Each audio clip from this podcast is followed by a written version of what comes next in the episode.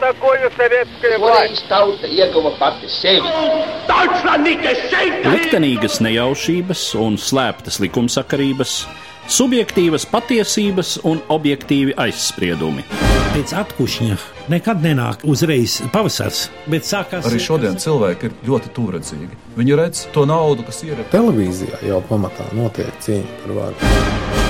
Pagātne no šodienas skatu punkta un šodienas caur pagātnes prizmu. Raidījumā šīs dienas acīm. Katru svētdienu Latvijas radio eterā Eduards Liniņš. Labdien, cienījamie klausītāji! 1917. gadā, kad Pirmā pasaules kara novājināta sāka brukt Romānovu impērija, tai pakļautās nācijas cita pēc citas apliecināja savas pašnoteikšanās tiesības. Visstraujāk šie procesi risinājās Somijā, kam jau cara impērijas ietvaros bija bijusi sava nozīmīga autonomija, un Polijā, kam bija savs vēsturisks valstiskums un kas tobrīd jau vairākus gadus bija Vācijas okupēta. Starp pārējām tā dēvētajām Krievijas nacionālajām nomalēm priekšplānā izvirzījās Ukraina. Šķita, ka tieši Kijeva būs tā bāka, kas rādīs ceļu uz pašnoteikšanos pārējām impērijas nekrievu tautām. Tomēr vairākus gadus ilgā karā, kurā par varu Ukrainā cīnījās visdažādākie spēki, Ukrainas nacionālā valsts zaudēja, un vēl uz 70 gadiem palika vien dažu lolots sapnis. Kāpēc tā notika? Kā pietrūka Ukrainai, lai tobrīd īstenotu savu nacionālo valstiskumu tāpat, kā tas izdevās Polijai, Somijai un Baltijas valstīm? Par to mana saruna ar ukraiņu vēsturnieku, vēstures zinātņu kandidātu Andriju Rukasu. Mans pirmais jautājums kādi spēki un ar kādiem uzstādījumiem bija aktīvi Ukrainā 1917. gada pavasarī, kad sākās Krievijas impērijas sabrukums, cik ietekmīga tobrīd bija nacionālas valsts ideja, cik spēcīgas Krievijas unitārisma tendences un cik stipras bolševisma idejas. Мы будем говорить, наверное, начиная с весны 17 года, ликвидация царизма, попытка создания демократического республиканского государства. Это процесс был скажем так, начало украинского национального возрождения, была создана Центральная Рада, Центральный Совет, но не имел длительное время легитимной власти, то есть это был своего рода клуб по интересам, который создали украинские деятели. Основ, основные, скажем так, цели, которые ставила перед собой Центральная Рада, это было добиться автономии в составе Федеративной России. То есть идеально автономная Украина в составе Федеративной России. Это был основной лозунг в течение весны, лета 1917 года. Поэтому Runāsim droši vien sākot ar 1917. gada pavasari. Carisma likvidācija, demokrātisks, republikānisks valsts izveidošanas mēģinājums. Šis process bija Ukrainas nacionālās atzimšanas sākums. Tika izveidota centrālā rada, taču tai ilgu laiku nebija leģitīmas varas. Tas bija savā ziņā tāds Ukraiņu sabiedrisko darbinieku interešu klubs. Galvenie mērķi, kurus sev stādīja centrālā rada, bija panākt autonomiju federālas Krievijas sastāvā. Autonomu Ukrainu federālas Krievijas sastāvā tas bija lozungs visu 17. gada pavasari un vasaru. Tāpēc lielākā popularitāte tobrīd bija tieši autonomistu spēkiem. Bija gan arī politiski spēki, kur iestājās par pilnīgu un bezierunu neatkarību, taču tiem tobrīd nebija masveidīga atbalsta, tāpēc tobrīd viņi zaudēja. Vēl ir tāds interesants moments, ka par Ukrainas neatkarību vairāk iestājās karavīri, kas atradās aktīvajā armijā. Viņi, lai cik dīvaini tas nebūtu, bija radikālāk noskaņoti un, tā sakot, mudināja Ukrāņu politiķus uz apņēmīgākiem soļiem.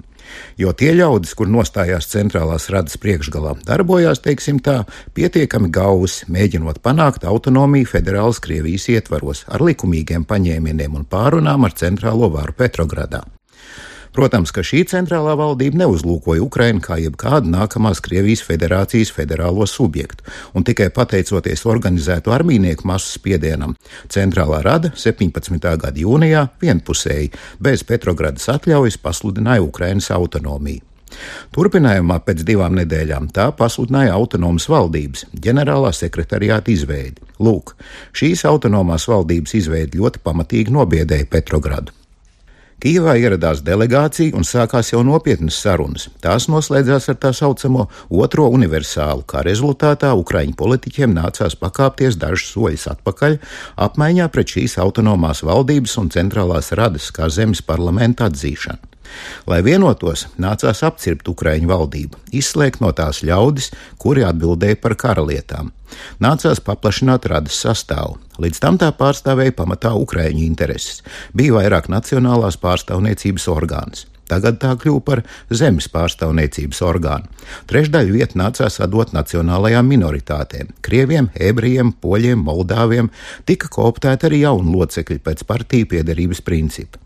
Tad no Petrogradas pienāca Krievijas pagaidu valdības instrukcija, kas apcirp jurisdikcijas geogrāfiju. Deviņu guberņu visas Ukrainas vietā atstāja tikai piecas - Kievas, Žitomiras, Kamiņets, Podoļskas, Ņepras labajā krastā, arī Černigovas un Poltavas kreisajā krastā. Pagaidu valdības sākotnējo piekāpšanos noteica tikai vēlmi izvairīties no destabilizācijas. Frontē tobrīd tika gatavots tā saucamais Kerensku uzbrukums, vajadzēja mazināt spriedzi. Pēc tam viņi sāk darboties pretējā virzienā - apcirpt, apcirpt, apcirpt. Vēlreiz precizējot, centrālā rāda tā bija politisko organizāciju pārstāvniecība. Не только политических, там были различные организации, и политические, и общественные, и студенческие, и молодежные, и кооперативные. Это как бы прообраз парламентского представительства, потому как каким образом было тогда создать парламент. Вот, вот как? Не было никакой Украины, ни в каком виде. Было 9 губерний, российское законодательство максимум предусматривало земское самоуправление, то есть, э, которое в правобережной Украине вообще в 2011 году было введено, то есть перед самой войной. Поэтому создать парламент в э, тех условиях, вот полноценный, было просто невозможно. Пошли другим путем, создали Ne tikai politisko, bija gan politiskās, gan sabiedriskās, studentu, jauniešu, kooperatīvās un citas. Tas bija kā parlamentārs pārstāvniecības prototyps, jo kā gan toreiz varēja izveidot parlamentu. Nekādas Ukrainas nekādā formā toreiz nebija. Bija deviņas guberņas. Esošā Krievijas likumdošana paredzēja ne vairāk kā zemstu līmeņa pašpārvaldi, kur labāk rast Ukrainā vispār ieviest tikai 1911. gadā. Radīt pilnvērtīgu parlamentu šajos apstākļos bija vienkārši neiespējami, tāpēc gāja citu ceļu, radīja šādu savu veidu sabiedriski politisko pārstāvju klubu pūliņu koordinācijai un galvenā mērķa sasniegšanai. Taču aprīlī tika organizēts ļoti svarīgs pasākums - vispārējais Ukraiņu kongress. Bija pārstāvniecības norma no dažādām guberņām, novadiem, pat no tāliem garnizoniem Sibīrijā, Somijā. Sabraukuši Kijevā, viņi pieņēma galveno lēmumu - deleģēja radai pilnvaras pārstāvēt Ukraiņu nacionālās intereses sarunās ar Krievijas pagaidu valdību. Pamatojoties šajās rezolūcijās, centrālā radio sāk uzvesties pavisam citādi. Nevairs kā politisko interešu klubs, bet jau kā nacionāla pārstāvniecība, un šādā statusā pasludināja autonomiju. No visām Krievijas impērijas tā saucamajām nacionālajām nomalēm Ukraina bija pirmā, kas pieteica vismaz autonomijas tiesības. Pilnīgas neatkarības ideja tobrīd nebija populāra, ko ir viegli izskaidrot. Līdz pat pēdējiem momentam Ukraina bija pilnīgi integrēta impērijas daļa. Vienotās Krievijas idejas bija visai dziļi iesakņojušās iedzīvotāju masās. Tomēr pilnīgas neatkarības piekritēji bija ļoti pamanāmi, aktīvi, un, lai neļautu viņiem ņemt virsroku, centrālā rada bija spiest spērt taktiskus soļus, pasludināt autonomiju un sākt būvēt šo autonomo vienību demokrātiskas Krievijas sastāvā.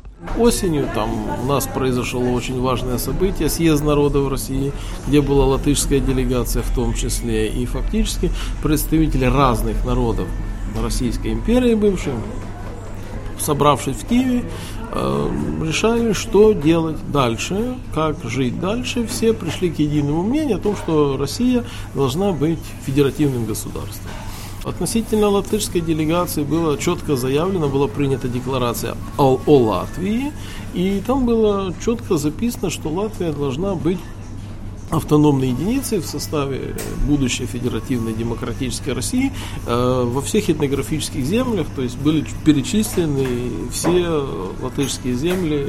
Это фактически было первое политическое заявление о том, что Латвия будет составлять единое целое со своим как минимум автономным устройством. Дальше у нас 17. gada rudenī pie mums notika ļoti svarīgs pasākums - Krievijas Tautu kongress, kurā starp citu piedalījās arī latviešu delegācija. Faktiski dažādi bijušās Krievijas impērijas tautu pārstāvi sapulcējušies Kijevā, lēma, ko darīt tālāk, un visi nonāca pie vienota lēmuma, ka Krievijai jākļūst par federatīvu valsti tika pieņemta arī konkrēta deklarācija par Latviju, kur tika precīzi definēts, ka Latvijai jābūt autonomai vienībai nākamās demokrātiskās Krievijas ietvaros, kas ietver visas latviešu etnogrāfiskās teritorijas, kas tur tika uzskaitītas. Faktiski tā bija pirmā politiskā deklarācija par to, ka Latvija veidos vienotu veselumu ar vismaz autonomu statusu. Seko lielinieka apvērsums 17. gada novembrī, un centrālā radio rīkojas pavisam citādi. Tā paziņo, Krievijā varat darīt, ko gribat. Mēs esam gatavi atzīt bolševiku valdību Krievijā, bet mēs viņus nepieņemsim kā visu Krievijas valdību, kurai mēs tagad būtu pakļauti, ar kur mums būtu jāved sarunas un kādā veidā jākoordinējas. Pie tam centrālā rada ar tā saucamo trešo universālu pasludina Ukrainas Tautas Republikas izveidi. Tā gan vēl nebija pilnīgi suverēna valsts. Universālā bija teikts, ka mēs nenorobežojamies no Krievijas revolūcijas interesēm, turpinām tās aizstāvēt, taču veidojam nevis vienkārši Ukrainu, bet Ukrainas Tautas Republiku.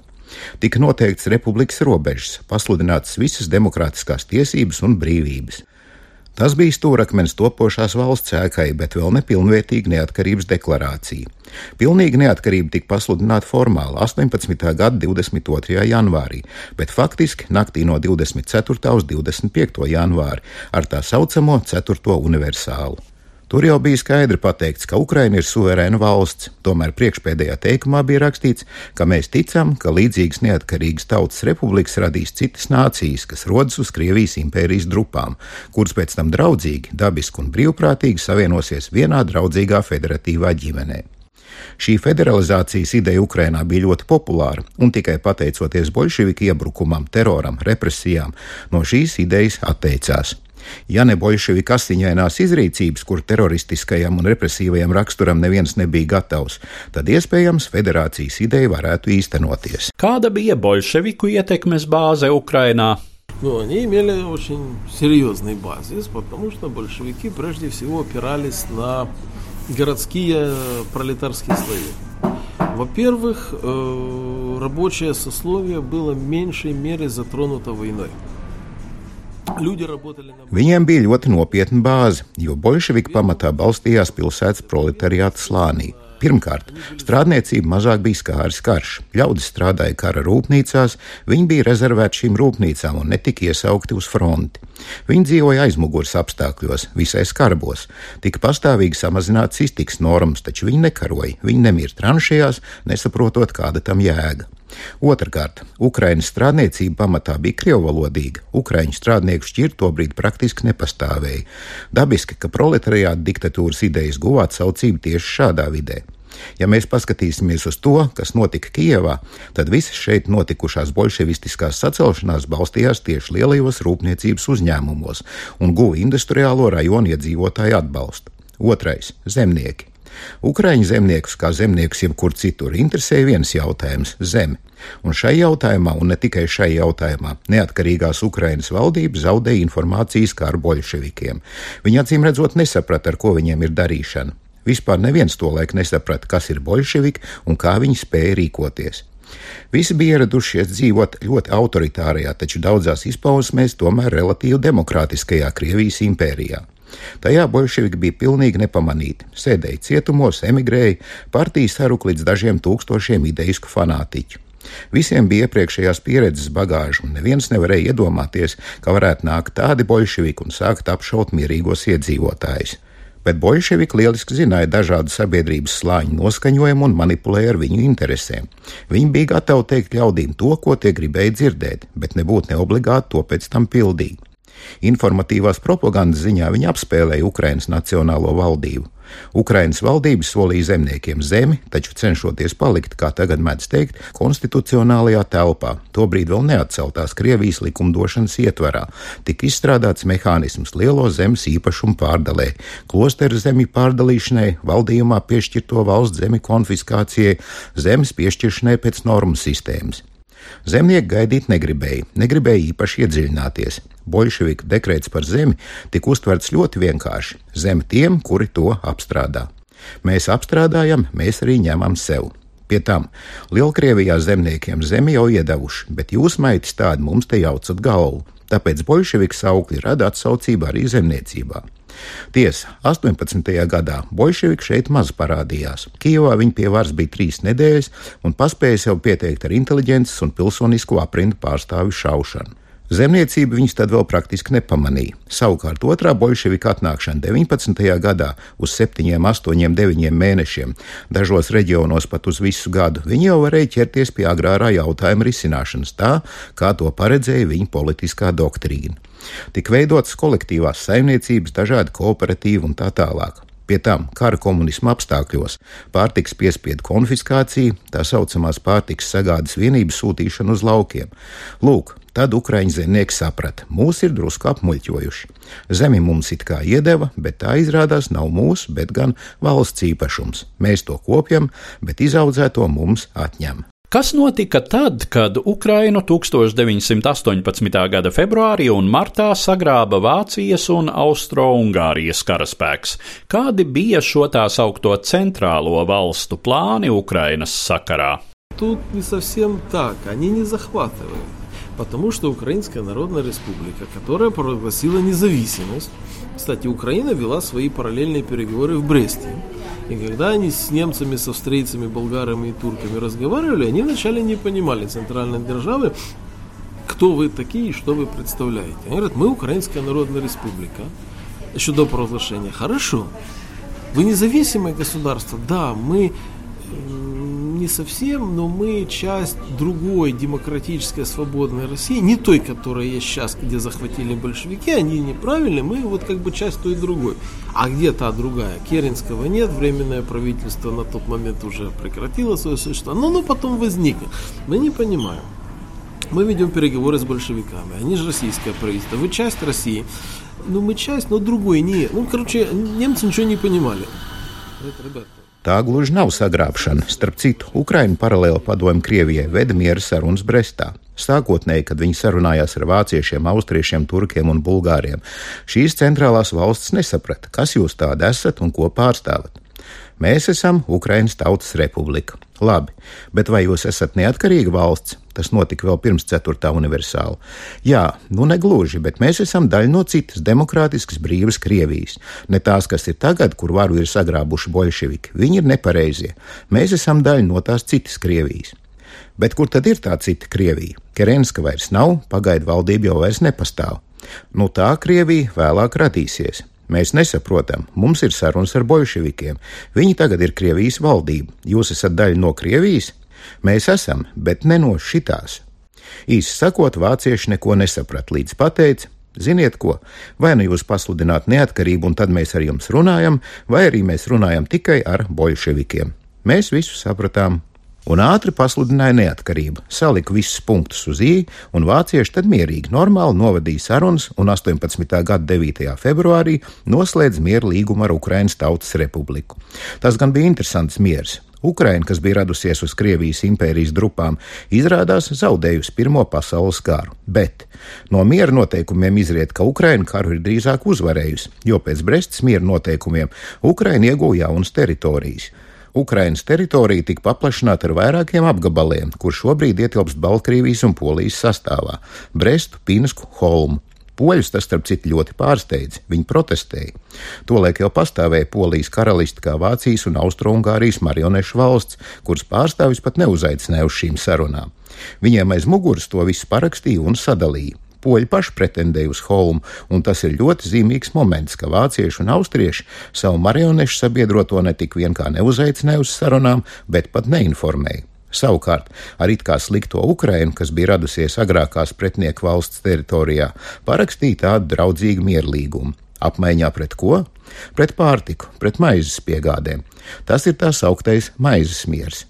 Palūkosimies uz situāciju Austrumgārijā. 18. gada februārī mierlīguma parakstīšanas priekšvakarā valstī notiek pirmais vispārējais streiks. Ir sākušies bada dumpi, sacelšanās armijā, ļoti spēcīga sacelšanās kara flotē.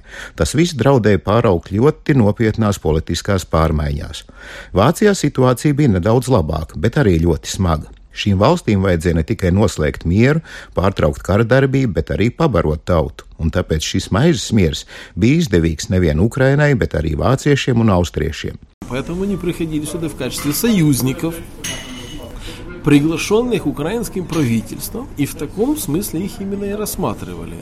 То есть они не захватывали, это была не латышская ситуация, это была там не белорусская, не эстонская ситуация, куда их никто не приглашал. Тут была немножко другая ситуация, они приходили в качестве союзников на основе особого мирного соглашения. По поводу планов, Никто не собирался там включать в состав. То есть, наоборот, Украина получила территориальное приобретение. Ну, это все входило, скажем, Tāpēc viņš šeit ieradās kā sabiedrotie pēc Ukrainas valdības uzaicinājuma, un tieši tā viņus arī uzlūkoja. Tātad viņi šo teritoriju nesagrāba. Tā nebija Latvijas situācija, arī ne Igaunijas vai Baltkrievijas situācija, kur viņus neviens neaicināja. Te situācija bija cita.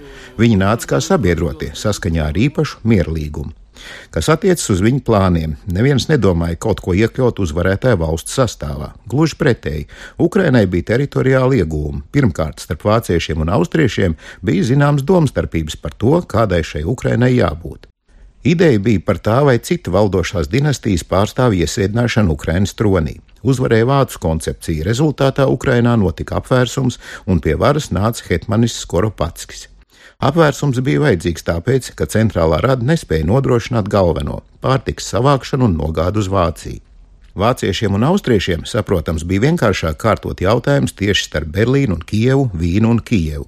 Taču Kijevas var izrādījās galēji vāji. Zemnieki negribēja atdot maizi, vēl vairāk viņi nesaprata, kāpēc vācieši te ieradušies. Tie taču ir it kā ienaidnieki, mēs ar viņiem vēl vakar aizvakar karojām, kāpēc jūs viņus esat atveduši? Vāciešus atvedušās centrālās radas popularitāte brūk, vara kļūst ar vien vājāka. Vācieši saprot, ka viņiem pašiem nāks sūtīt savus sodu vienības uz laukiem, atņemt pārtiku. Ukraiņas pārstāvju vai nu nav, vai arī viņi nekādi neiesaistās. Vācieši saprot, ka viņi tiek ievilkti šajā iekšējā konfliktā, kas viņiem, protams, ir gluži lieki. Tāpēc notiek apvērsums, pie varas nāk Hetmanis Skoropatskis, bijušais cara armijas ģenerālis, kuram senčos ir viens no Ukrainas hetmaņiem. Tāda, ziniet, stingrās rokas valdība. Viņš sāk ieviest kārtību, situācija stabilizējas. Vācieši lika likmi uz Hetmani, austriešiem bija savs erzhercogs Vilhelms von Habsburgs, kuru viņi redzēja kā iespējamo Ukrainas karali.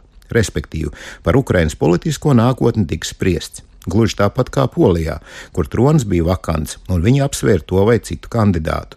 Bet viņi pilnīgi noteikti nedomāja Ukrainu anektēt, kas ir tikai dabiski. Tā nav Latvijas situācija. Ukraina plānoja veidot kā lielu valsti Eiropas austrumos ar kopīgu vācu un austro-ungāru virsvaldību. Teritorija tika sadalīta okupācijas zonās. Nedaudz atšķīrās vācu un austriešu okupācijas politika. Austriešiem tā bija drusku maigāka, vāciešiem no otras puses konkrētāk, ar precīzāk deklarētiem un artikulētiem plāniem Bet to visu visdrīzāk var uzlūkot kā lielu mērogu marionešu valsti, kas bija nepieciešama centrālajām valstīm kā pārtiks piegādātājs.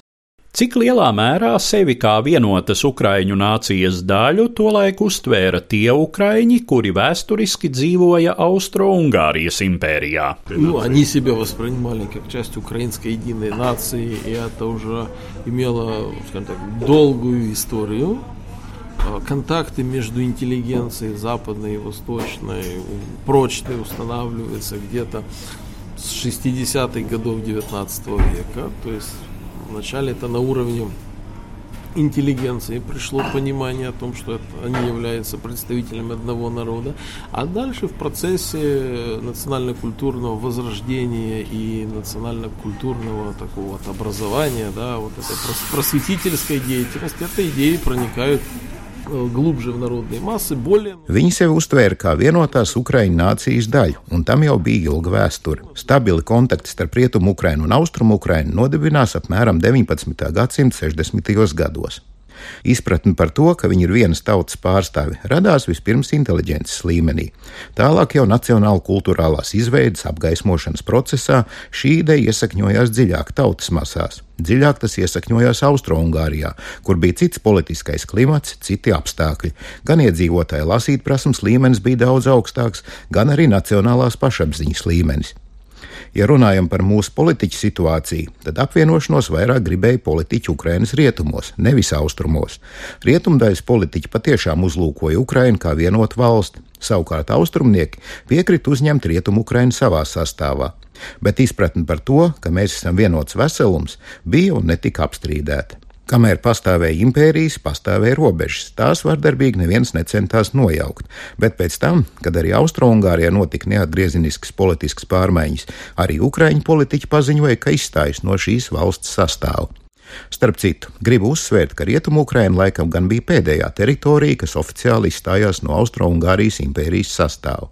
Rietumu-Ukrainas Tautas Republika tika pasludināta tikai 18. gada 13. novembrī, pēc tam, kad 11. novembrī Austro-Ungārijas imperators Kārlis atteicās no politiskās darbības, un 13. novembrī viņam tika atņemts Ungārijas tronis. Tikai tad tika pasludināta Rietumu-Ukrainas Tautas Republika. Viņa līdz pašam pēdējam brīdim palika Austro-Ungārijas konstitucionālajā likumdošanas laukā. Tikai pēc tam, kad kļuva skaidrs, ka šīs valsts vairs nav, viņi sāk kustību austrumu virzienā. Tātad izpratne par vienotu nāciju bija, bet nebija precīza plāna, precīzas izpratnes par to, kas tas būs. Bija vēlme apvienoties, bija Ukraiņas ideja. Nacionālajā himnā ir tādas rindas, ka Ukraina plešas no Sanas, upes tagadējā Polijā līdz Donai, upei tagadējā Krievijā. Ja jau par to dzied pat nacionālajā himnā, tas nozīmē, ka ideja bija aktuāla. Bet kā šo vienotību praktiski realizēt, ar kādiem noteikumiem? Vai tā būs autonomija vai konfederācija? Šai ziņā, protams, bija domstarpības, bija doma dažādība. Šī praktiskā puse bija nepietiekami izstrādāta. Kāds tad tolaik bija priekšstats par Ukrainu gluži teritoriāli? Vai Donbass vai Dienvidu austrumu guberņas sevi tolaik identificēja ar Ukrainu? Ну, скажем так, на законодательном уровне эти территории входили в состав Украины. Об этом было заявлено в третьем универсале, где были определены границы Украинской Народной Республики и четко заявлено 9 губерний. Ну, правда, границы Екатеринославской губернии тогда не совсем совпадали, и Харьковской не совсем совпадали с границами нынешними. Но это, скажем так, частности такие географические. Дальше, 18 год, эта территория находилась под властью Украинской Народной Республики, потом Украинской, Украинского государства Гетмана Скоропадского. Фактически Украина теряет контроль над этими территориями. Если говорить о Донбассе, то это конец 18 года. Teiksim tā, likumdošanas līmenī šīs teritorijas ietilpa Ukrainas sastāvā. Tas tika deklarēts trešajā universālā, kurā tika definēts Ukrainas Tautas Republikas robežas un noteikti pateikts, ka tās ir deviņas guberņas. Tiesa, toreizējās Jekaterinoslavas un Harkovas guberņu robežas gluži nesakrīt ar tagadējām, bet tie ir tādi geogrāfiski sīkumi. 18. gadā šī teritorija bija Ukrainas Tautas Republikas, pēc tam Hetmaņa Skoropatska Ukrainas valsts pārvaldē. Kontroli pār Donbasu Ukraina zaudēja 18. gada beigās. Pēc tam tur pārmaiņas saimniekoja vai nu sarkanie vai baltie krievu spēki. Taču tas nenozīmē, ka vietējie iedzīvotāji sev pilnīgi neidentificētu ar Ukrainu. Pirmkārt, tur tika veidotas brīvprātīgo vienības. Liels skaits šo teritoriju iedzimto dienēja Ukrainas armijā, kalpoja kā valsts ierēģi. Tomēr tā kā šo teritoriju Ukrainas nacionālā valdība kontrolēja visīsāko laiku, Ukrainas valstiskums tur iesakņojās vājāk nekā, teiksim, Podolijā vai Volīnijā, kur šī valdība kontrolēja daudz ilgāk. Bez tam Donbass jau toreiz bija ļoti industrializēts rajons, Krievijas impērijas industriālā sirds.